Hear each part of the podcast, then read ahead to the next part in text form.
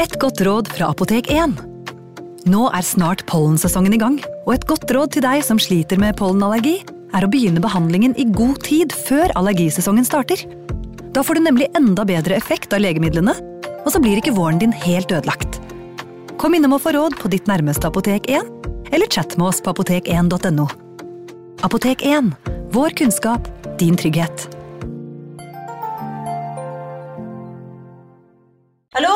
Jeg kommer fra Oslo politikammer. Ine Jansen er purk. Er du purk? The motherfucking bitch. Alt jeg vil, er å finne ut hva som skjedde med mannen min. Jon Carew. Er jeg sikta for noe? Iben Akeli. Det er du. Ole So, Lars Berrum og Big Daddy Karsten. Hvem sin side er du på, egentlig? Anette Hoff, Tone Danielsen, Kommer du fra Afrika? Jørnis Josef, Nesten kløfta. Trond Espen Seim, Det er synd å si det, men det var feil mann som døde. Purk. Premiere tirsdag på TV2 Play. Ungsamtalen fra DNB er økonomisk veiledning tilpasset deg som er ung. Bokk en ungsamtale på dnb.no. slash ung. Det er kjempebra hvis du skal inn på boligmarkedet, hvis det er drømmen din, liksom. Det er det du skulle sagt. Og så kunne du ropt litt mer, da, sånn som jeg gjorde. Bam! Advarsel. Denne podkasten inneholder skildringer av ekte drap og kriminalsaker som kan være støtende for enkelte. Det advares også mot sterke inntrykk i deler av episoden.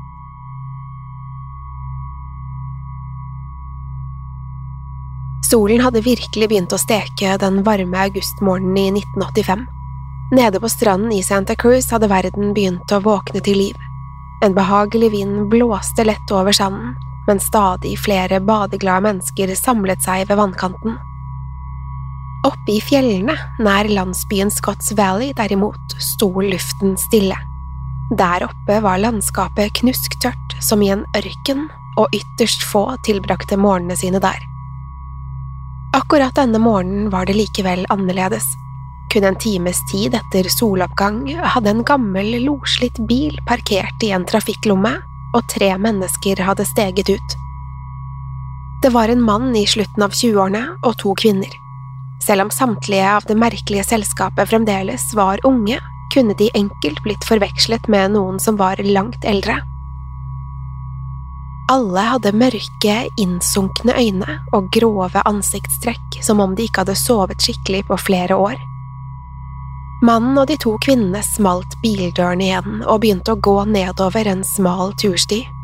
Ingen av dem sa et ord mens de vandret gjennom det tørre landskapet.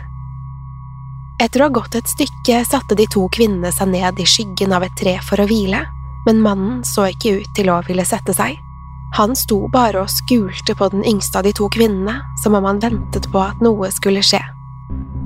Det hele hadde skjedd så brått og uventet at kvinnene på bakken ikke engang la merke til det først. Mannen, som fremdeles ikke hadde tatt blikket fra den yngste kvinnen, trakk en pistol fra bukselinningen og pekte den mot henne. Med øynene breddfulle av hat og paranoia hadde han kalt henne en tyster. Så la han fingeren på avtrekkeren og sa han skulle drepe henne. Velkommen til True Crime Podden.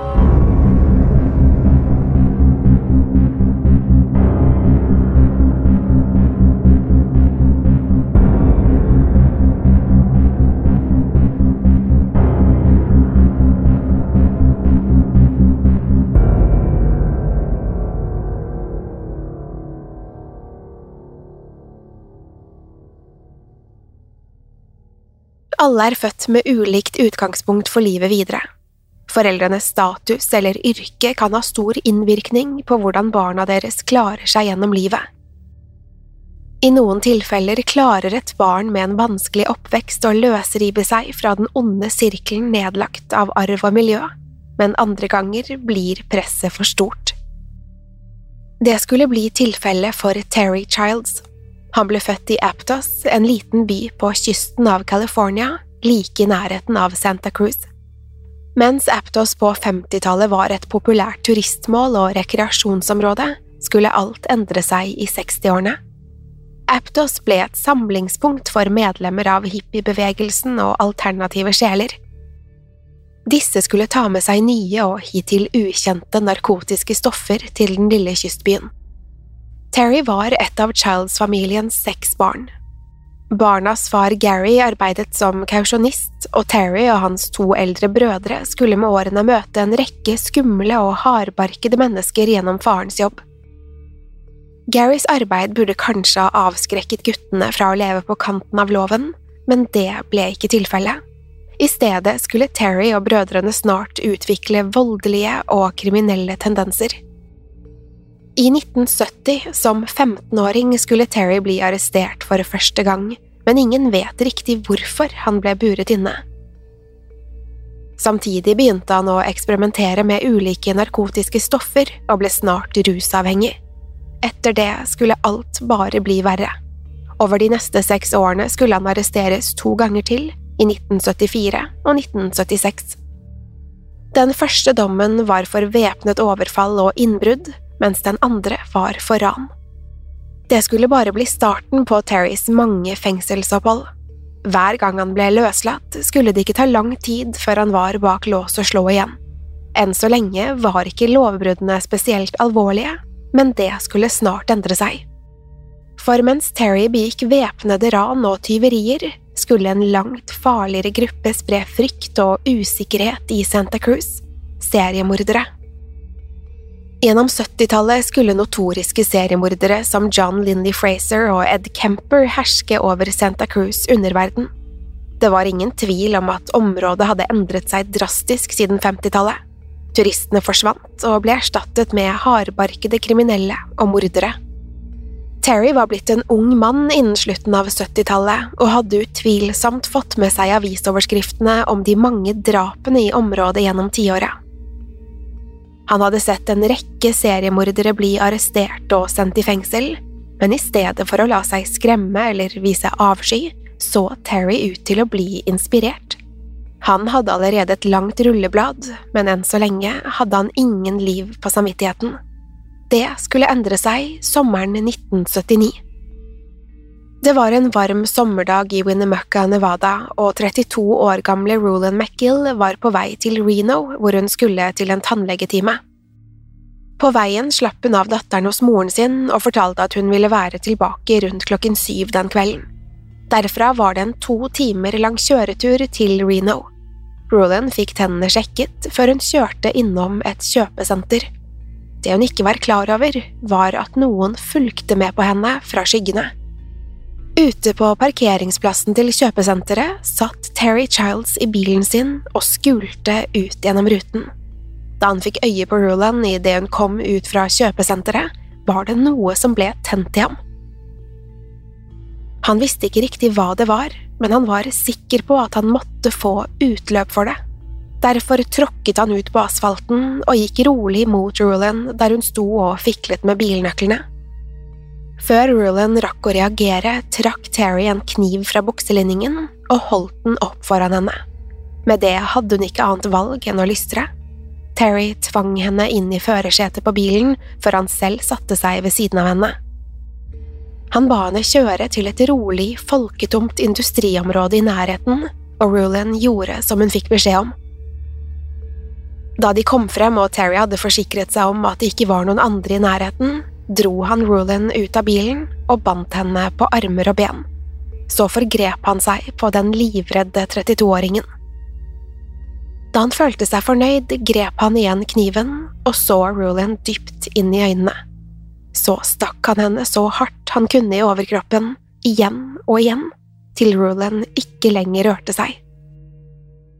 Hjemme i Winnemucca satt Rulins mor i dyp bekymring. Da datteren ikke kom tilbake til avtalt tid, var hun sikker på at noe måtte være fryktelig galt.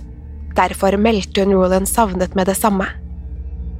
Tre dager skulle gå før liket hennes endelig ble funnet, på bunnen av en liten bekk i nærheten av bilen hennes. Hun var naken og forslått, fremdeles bundet på armer og ben og med utallige stikksår i mageregionen. Politiet begynte straks å etterforske saken, men skulle ikke finne noen beviser som avslørte Rulins morder. Det eneste som var sikkert, var at drapet var så brutalt at etterforskerne nektet å tro at Rulin ville bli morderens siste offer. Der skulle de ha rett, for mens politiet arbeidet på spreng i Reno, hadde Terry reist hjem til Aptos, hvor han virkelig fikk blod på tann. I Aptos fortsatte han å ruse seg jevnlig. Om det var for å døyve inntrykkene etter det han hadde gjort i Reno, var vanskelig å si, men det så ikke ut til å stilne blodtørsten hans. Den 7. november 1979, fire måneder etter drapet på Rulin, hadde Terry besøkt moren sin i Aptos.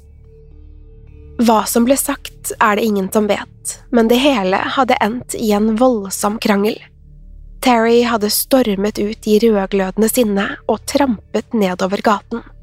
Derfra gikk han nedover mot byen i et forsøk på å roe seg ned. Det var blitt sent om kvelden da han passerte parkeringsplassen til en jernvarehandel. Der fikk han plutselig øye på 19 år gamle Linda Josovic der hun vandret gjennom den mørke parkeringsplassen alene.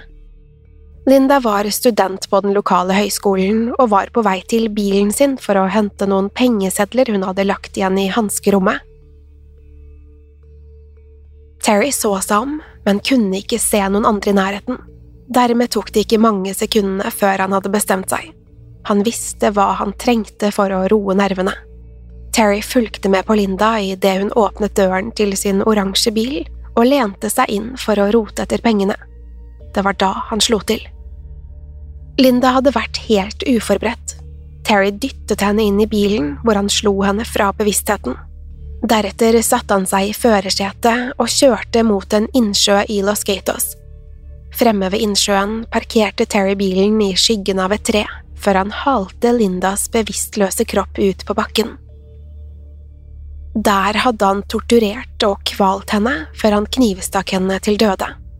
Da Linda var død, satte Terry seg tilbake i bilen og kjørte den til San Jose. Der forlot han den bak et sykehus før han forsvant i natten. Det tok ikke lang tid før Lindas familie innså at hun var forsvunnet. De meldte henne savnet sammen med den oransje bilen, som også så ut til å være borte. Innen et par dager ble bilen funnet, men Linda selv var fremdeles savnet. Politiet ante ikke hvor de skulle begynne jakten. I mellomtiden skulle Terry, som hadde lest om politiets etterforskning i avisene, reise tilbake til åstedet og gjemme Lindas lik lenger inn i skogen.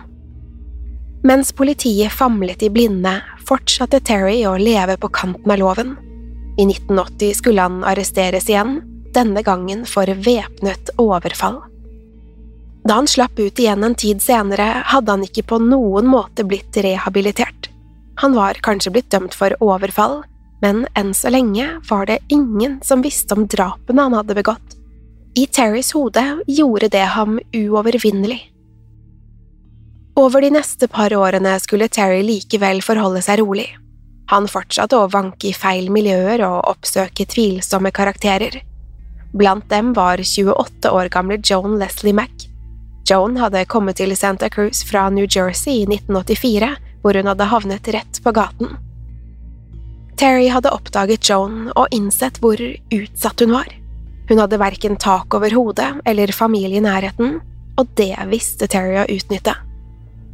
Den 11. oktober 1984 hadde Terry funnet Joan et sted i sentrum av Santa Cruz. Da ingen så deres vei, hadde han gått til angrep. Joan ble dyttet inn i Terrys bil hvor hun ble kneblet og bundet på armer og bein. Derfra kjørte Terry til Seascape Beach i Aptos. Der slepte han henne ut i sanden etter håret. Joan rakk ikke engang å skrike før Terry hadde trukket en kniv. Så stakk han henne til døde, tilsynelatende uten grunn. Da Joan var død, dro Terry liket bort fra stranden og gjemte det i noen busker ved en populær tursti. Fem dager senere ble liket funnet etter at stanken av død og forråtnelse hadde begynt å spre seg i området. Politiet etterforsket saken, men skulle ikke finne noe som pekte i retning av Jones morder. Dermed fortsatte Terry å slippe unna med drap, noe som bare skulle forsterke egoet hans. Det hjalp heller ikke at Terry ikke var den eneste seriemorderen som var aktiv i Santa Cruz-området på midten av 80-tallet. Politiet hadde hendene fulle, og Terry gikk under radaren deres.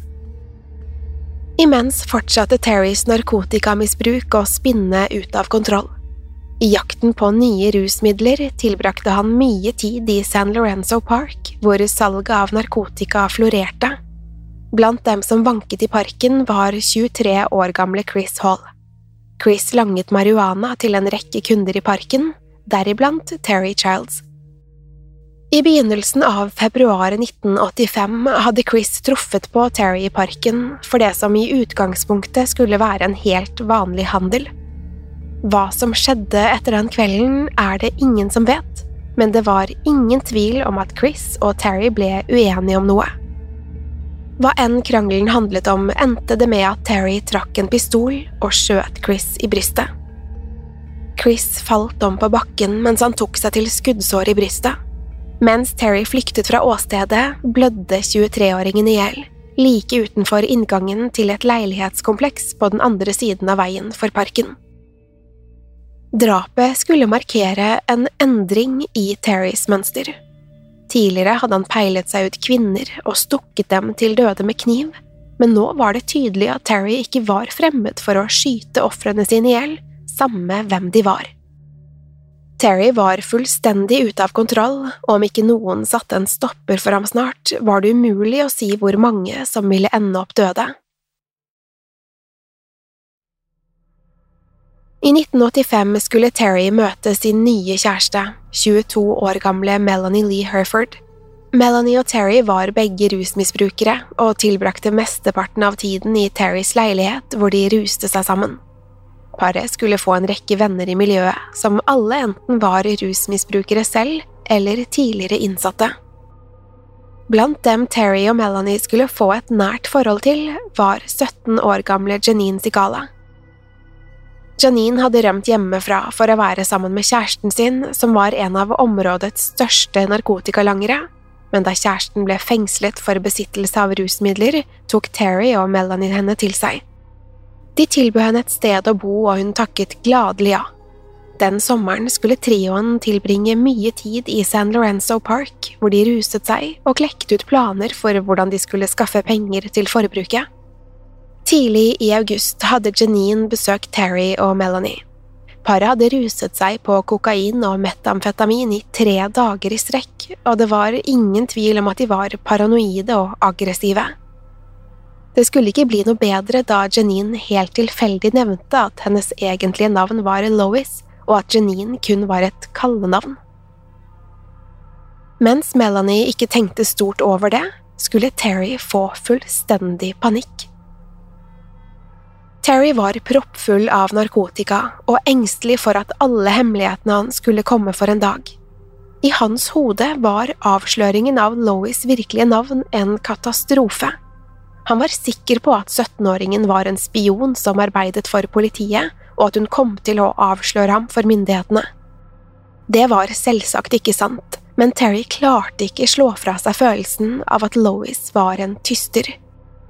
Hele resten av kvelden truet Terry Lois og avhørte henne om mistankene sine. Lois nektet selvsagt for å være noen politiinformant, men Terry lot seg ikke overbevise. Når han først hadde bestemt seg, var det ingen vits i å diskutere. Alt Lois sa ble brukt imot henne, og Terry lot henne ikke være. På et tidspunkt da Lois var ute av rommet, hadde Terry lent seg over mot Melanie og sagt at han ville kvitte seg med tenåringen. Melanie avskrev det hele som en spøk og ba Terry roe seg ned. De hadde ingenting å frykte fra Lois, så han kunne like så godt la det gå. Terry hadde likevel bestemt seg. Da solen tittet opp over horisonten, sa Terry at de skulle kjøre seg en tur. Han nærmest dyttet de to kvinnene inn i bilen og ba Melanie kjøre dem mot Scotts Valley, en liten landsby oppe i fjellene. Da de var kommet et godt stykke opp i de kronglete fjellveiene, beordret Terry Melanie til å stoppe i en liten trafikklomme. Derfra ledet Terry dem over på en tursti. Etter å ha gått en stund satte de seg ned for å hvile under et tre. Melanie og Lois satt og pratet sammen, men Terry bare sto og stirret på dem. Så, fullstendig ut av det blå, fortalte han Lois at han hadde tenkt til å ta livet av henne. Lois sperret øynene opp og så på Terry med frykt og vantro i blikket. Hun tryglet ham om å spare henne, men Terry nektet å høre. Paranoiaen hadde tatt kontroll over hodet hans, og nå var det ingen vei tilbake. Terry trakk en pistol fra bukselinningen og pekte den mot 17-åringen, noe som fikk Lois til å krympe seg. Melanie forsøkte å snakke Terry til fornuft og ba ham legge bort våpenet, og til hennes store overraskelse virket det. Terrys øyne smalnet litt før han stakk pistolen tilbake i buksen. Stillheten var trykkende idet Terry trakk frem en kniv og satte seg ned ved siden av dem. Så begynte han å rense undersiden av neglene med knivbladet. Verken Melanie eller Lois våget å si et ord i frykt for å irritere Terry. I stedet fant Melanie frem en pakke røyk og tente en sigarett. Melanie tok et par drag av sigaretten før hun kastet den fra seg på bakken. Terry stirret på henne, så på sigaretten på bakken, og så tilbake på Melanie. Så beordret han kjæresten til å plukke den opp igjen. Melanie sa ikke et ord, men lente seg frem for å plukke opp røyken, og med ett slo Terry til. Han trakk frem pistolen igjen og fyrte av to skudd mot Lois. Begge traff den livredde 17-åringen, én gang i armen og én gang i benet. Melanie kom seg straks på bena og var i ferd med å flykte, men da pekte Terry pistolen mot henne og truet henne på livet om hun rørte seg en millimeter. Mens Melanie frøs til, snudde Terry seg mot Lois igjen. Så begynte han å skyte. Igjen og igjen ljomet skuddene gjennom fjellene. Lois ble truffet gang på gang, men klarte på mirakuløst vis å krabbe seg langs bakken, bort fra Terry. Det var likevel nytteløst. Terry rettet pistolen mot Lois' hode og fyrte av. Lois hadde skreket i smerte og frykt, men nå ble alt stille. Det eneste som kunne høres, var ekkoet fra hylene og pistolskuddene som hadde tatt livet hennes. Etterpå gikk Terry og Melanie tilbake til bilen, hvor Terry advarte henne mot å fortelle noe om det hun hadde sett. Så kjørte de hjemover. På veien kvittet Terry seg med mordvåpenet i havnebassenget. Det skulle ikke ta lang tid før Lois lik ble funnet av en turgåer. Politiet ble tilkalt, og så snart hun ble identifisert, skulle etterforskerne rette mistanke mot Terry Childs. Vitner hadde sett Lois i en bil, og politiet visste nøyaktig hvem bilen tilhørte. Da de fikk tak i bilen og gjennomsøkte den, skulle de finne treningseksplosiver som vanligvis ble brukt av militæret. Det var nok til at både Terry og Melanie kunne arresteres for besittelse av dødelige våpen. Nå gjaldt det bare å koble Terry og Melanie til drapet på Lois. Det skulle ikke mye graving til før politiet fant ut at Terry hadde eid en pistol av samme type som hadde tatt livet av Lois. Dermed skulle både han og Melanie siktes for drapet den 10. september 1985. Nå hadde Melanie ingenting å skjule. Hun fortalte om alt som hadde skjedd da Lois ble drept, og lovet å vitne mot Terry mot at hun fikk en mildere straff. Det var en enkel sak for myndighetene. Da saken kom opp for retten i 1987, ble Terry Childs funnet skyldig i drap og dømt til livstid i fengsel. Terry satt fengslet og skulle aldri slippe ut igjen. Likevel bar han fremdeles på flere hemmeligheter som ingen visste om. Han var dømt for ett enkelt drap, men hadde langt flere liv på samvittigheten, og i ti år skulle han forbli stille om drapene han hadde begått. Det var helt til 1997, da Terry plutselig begynte å snakke. Til fengselsvaktene hintet han om at han ikke bare hadde tatt livet av ett menneske, men tolv. Etterforskerne ble straks satt på saken og ba Terry forklare seg. Terry påsto at han hadde myrdet mennesker i både Nevada, California og Washington. Politiet visste ikke riktig hva de skulle tro. Det var ikke utenkelig at Terry løy, men de var likevel nødt til å finne sannheten. Over de neste årene skulle Terry tilstå fem drap som politiet klarte å bekrefte. Endelig skulle sakene om Rulan McGill, Linda Josowitz, Joan Leslie Mack, Chris Hall og Lois Sigala være fullstendig oppklart. Hvem de resterende syv mordofrene var, skulle ingen noen gang få ut av ham. Terry døde i fengsel den 11. februar 2023, og om han bar på flere hemmeligheter, døde de med ham.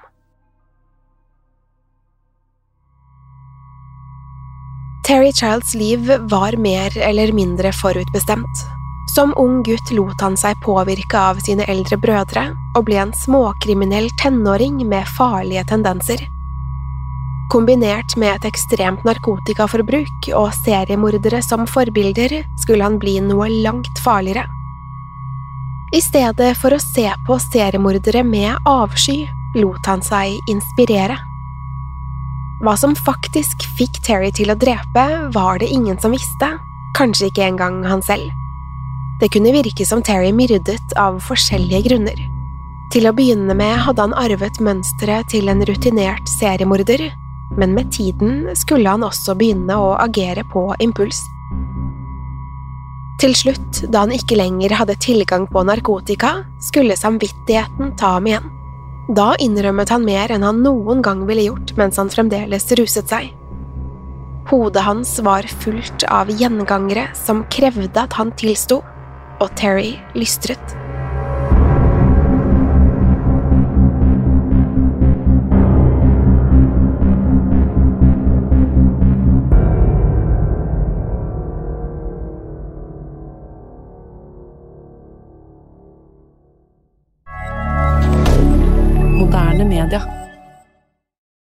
Har du et enkeltpersonforetak eller en liten bedrift? Da er du sikkert lei av å høre meg snakke om hvor enkelt det er med kvitteringer og bilag i fiken, så vi eh, gir oss her, vi. Fordi vi liker enkelt. Fiken superenkelt regnskap. Hei! Takk for at du lytter til True Crime Podden. Skulle du ønske at du kunne høre en ny episode av denne podkasten hver eneste uke? Vel, da er det bare å laste ned podkastappen Untold med en gang. I tillegg til ukentlige episoder av podkaster som Skrekkpodden, Synderne og Henrettelsespodden, får du masse annet reklamefritt og eksklusivt innhold. Last ned Untold i AppStore eller Google Play, og start din 30 dagers prøveperiode i dag. Untold